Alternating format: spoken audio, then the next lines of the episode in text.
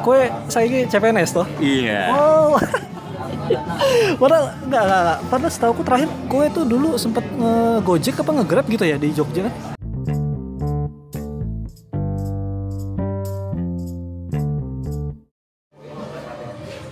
Halo semua, balik lagi di uh, podcast pengantar tidur. Sekarang masuk ke episode kelima. Kali ini gue nggak sendirian.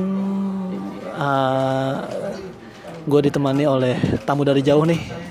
Uh, dari dari mana Mas Morowali ya Mas ya? Iya, dari Morowali, Uh, Sulawesi Tengah. bisa dikenalin dulu mungkin Mas uh, nama lengkap dan uh, uh, sejarah uh, sedikit apa namanya? Sekarang lagi sibuk apa? Oke. Halo, nama saya Fikri Fawaid. Eh, saya sekarang tinggal di Morowali karena tugas pekerjaan ya di sana. Ini lagi dalam rangka apa sih? Uh, kue nih ke Jakarta nih dalam rangka apa? Jadi gini, saya nih ke Jakarta ini karena ada ada diklat latsar untuk CPNS Kejaksaan. Oh. Iya, makanya eh, nanti mulai hari Senin, makanya sekarang ini sebelum masuk karantina, ya nemuin teman-teman seperjuangan dulu lah di Jogja, gitu sih ceritanya. Saya, saya kue saya ini CPNS toh? Iya. Oh. Padahal enggak, enggak, enggak. Padahal setahu aku terakhir kue tuh dulu sempet nge-gojek apa nge-grab gitu ya di Jogja kan? Iya, bener. Eh, tepatnya sih dua-duanya sih, Hmm. Gojek sama ngegrab. Hmm, Ya. itu kapan tuh? Kalau persisnya sih mulai sejak awal September, mulai awal 2017. Oh. 2017 setelah aku lulus dari filsafat karena aku kebetulan dulu kuliah dua di filsafat UGM sama hukum UIN lulus filsafat UGM itu 2017 Eh, itu makanya terus kemudian karena butuh pendapatan karena tidak ada pemasukan lagi karena bidik misi nggak di nggak dapat lagi udahan harus dapat duit. Pekerjaan yang bisa disambi ya nge- gojek sama ngegrab itu. Nah, tapi tapi emang bener sih itu kayak jadi kayak pelarian uh, bagi para lulusan uh, apa namanya uh, yang belum dapat kerja ya. Karena aku pribadi ini Iya, sempat juga nguber ya kan? Se- jadi tuh ada jeda uh, setelah lulus bingung mau ngapain kan? Balik ke Jakarta nggak ada uang ya kan? Nah. uring-uringan. Ya, gimana ya? Kita pengeluaran ada tapi pemasukan nggak ada itu kan bingung kan? Akhirnya me- me- me- apa ya? Mencari alternatif penghasilan dengan cara ya itu nguber itu. Kalau dulu aku nguber kalau mungkin nggak tahu sih kenapa waktu itu pilihannya uber karena waktu itu karena masih kuat juga kali ya baru kan ya dan dan dan yang paling banyak digandrungi dulu orang-orang di Depok Jakarta sekitar itu Uber juga masih banyak. Akhirnya memilih Uber dan ya itu sih benar jadi pemasukan alternatif gitu untuk sementara waktu gitu. Terus akhirnya setelah itu setelah lulus uh, kuliah ya Iya, kalau ngojeknya sih persisnya itu ketika sejak aku lulus filsafat sih Filsafat. tepatnya. Tepatnya filsafat 2017 awal sampai akhir aku terakhir itu 2019 awal sebelum aku keluar dari Jogja, aku masih ngojek. Hmm, jadi cukup lama lah. Ya eh kadang kan aku mikir gini, ya namanya kita juga hidup Iya. ya sama-sama bukan dari orang yang punya secara finansial eh, tetapi kita harus tetap berjuang menyelesaikan apa yang telah kita mulai. Nah, makanya pada waktu itu aku berpikir kalau aku kerja yang kontrak atau modelnya kayak gimana yang terikat aku nggak akan seseluasa kayak aku gojek karena waktu itu aku harus fokus nyelesain kuliah di UIN karena masih ada beberapa SKS sama KKN makanya salah satu-satunya cara yang aku termudah untuk bisa mendapatkan uang yang stabil meskipun nggak banyak yaitu ya ojek online itu nge-grab atau gojek itu Enggak, tadi kan berarti kan S1 filsafat. Terus eh enggak, enggak.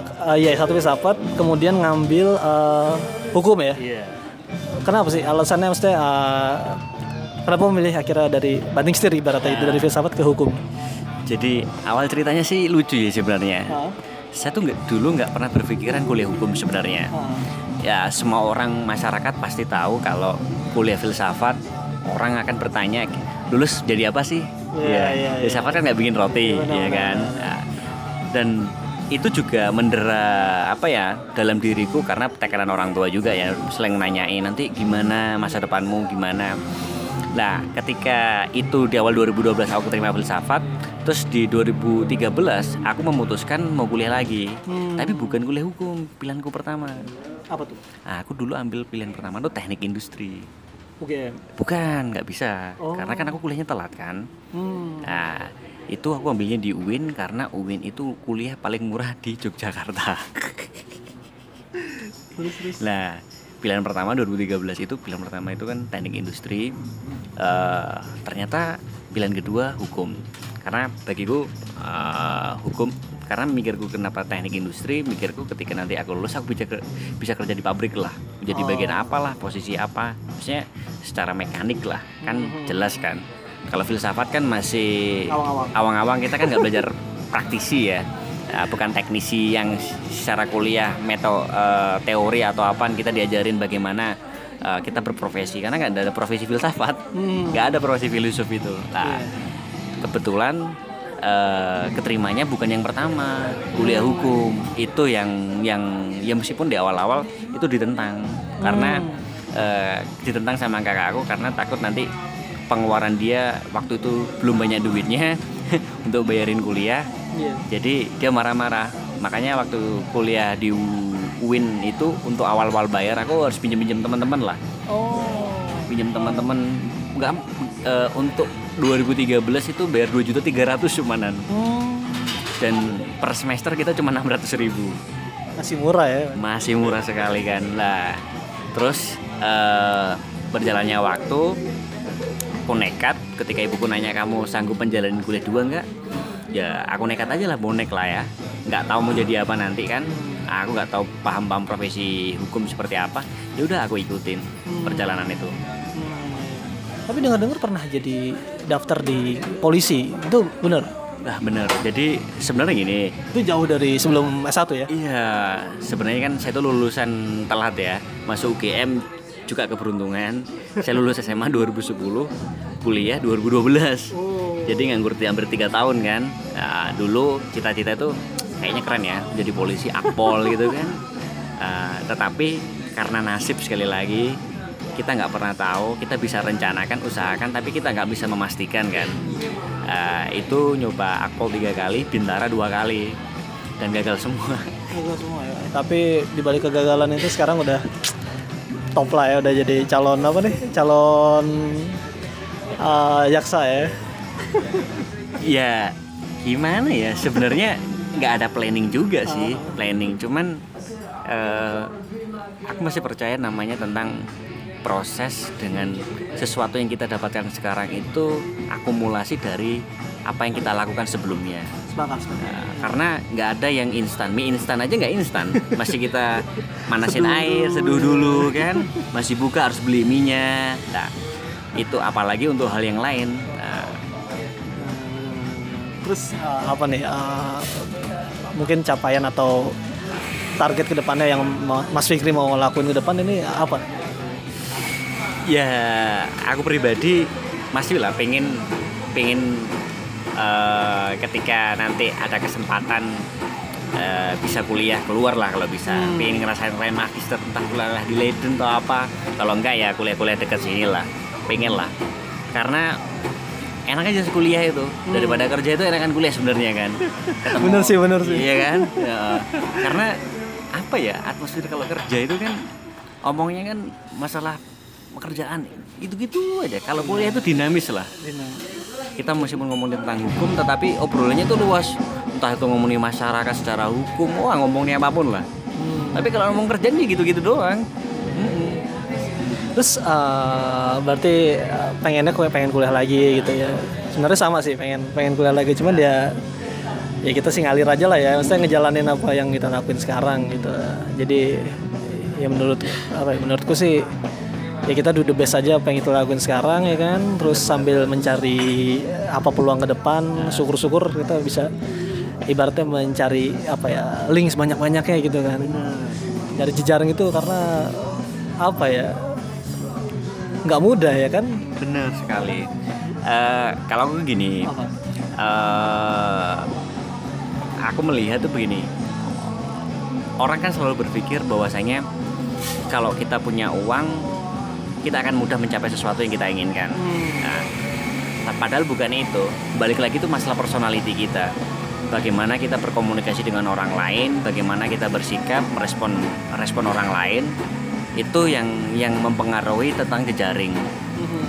Mungkin banyak orang dengan mudah belajar mungkin di podcast banyak bagaimana kita membangun relasi komunikasi yang baik tapi nggak bisa menerapkan secara real di nyata kenyataan.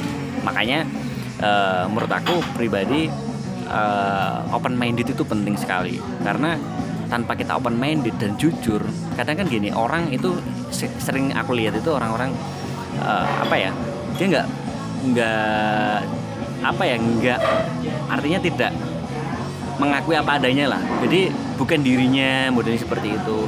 Bagiku jadi orang itu apa adanya aja nggak bukan bukan bukan yang dirinya misalnya misalnya kita nggak punya uang ya ngomong aja nggak punya uang yeah. bukan menampilkan misalnya kayak sekarang kan orang kan pengen menampilkan sesuatu yang bukan dirinya sebenarnya nah.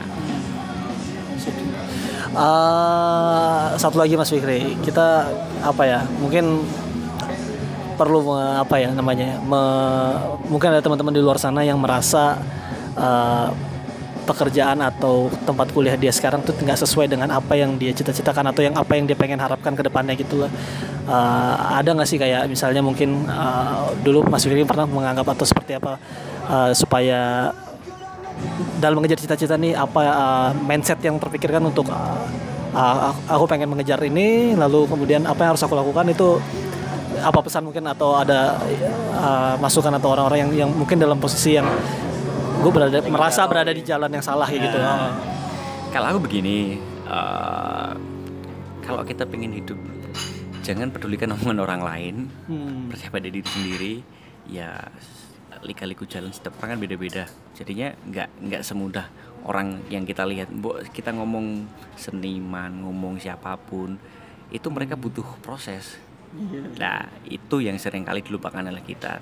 Lah kalau menurut aku ingin mencapai meskipun kamu sekolah di mana pun keadaan ekonomi kamu kayak apa pun selama kamu ada kemauan dan terus belajar pasti itu bisa meskipun minimal misalnya targetnya itu di di A paling turun-turun tuh di A per B lah misalnya hmm. karena maksud aku apa yang kita dapat sekarang itu akumulasi dari apa yang kita lakukan di dahulu hmm. apa pun itu profesi pekerjaan entah itu bisnis untuk seniman apa pun itulah profesi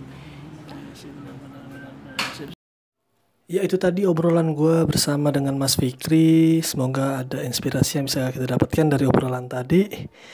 Dan sampai jumpa di podcast pengantar tidur selanjutnya. Terima kasih.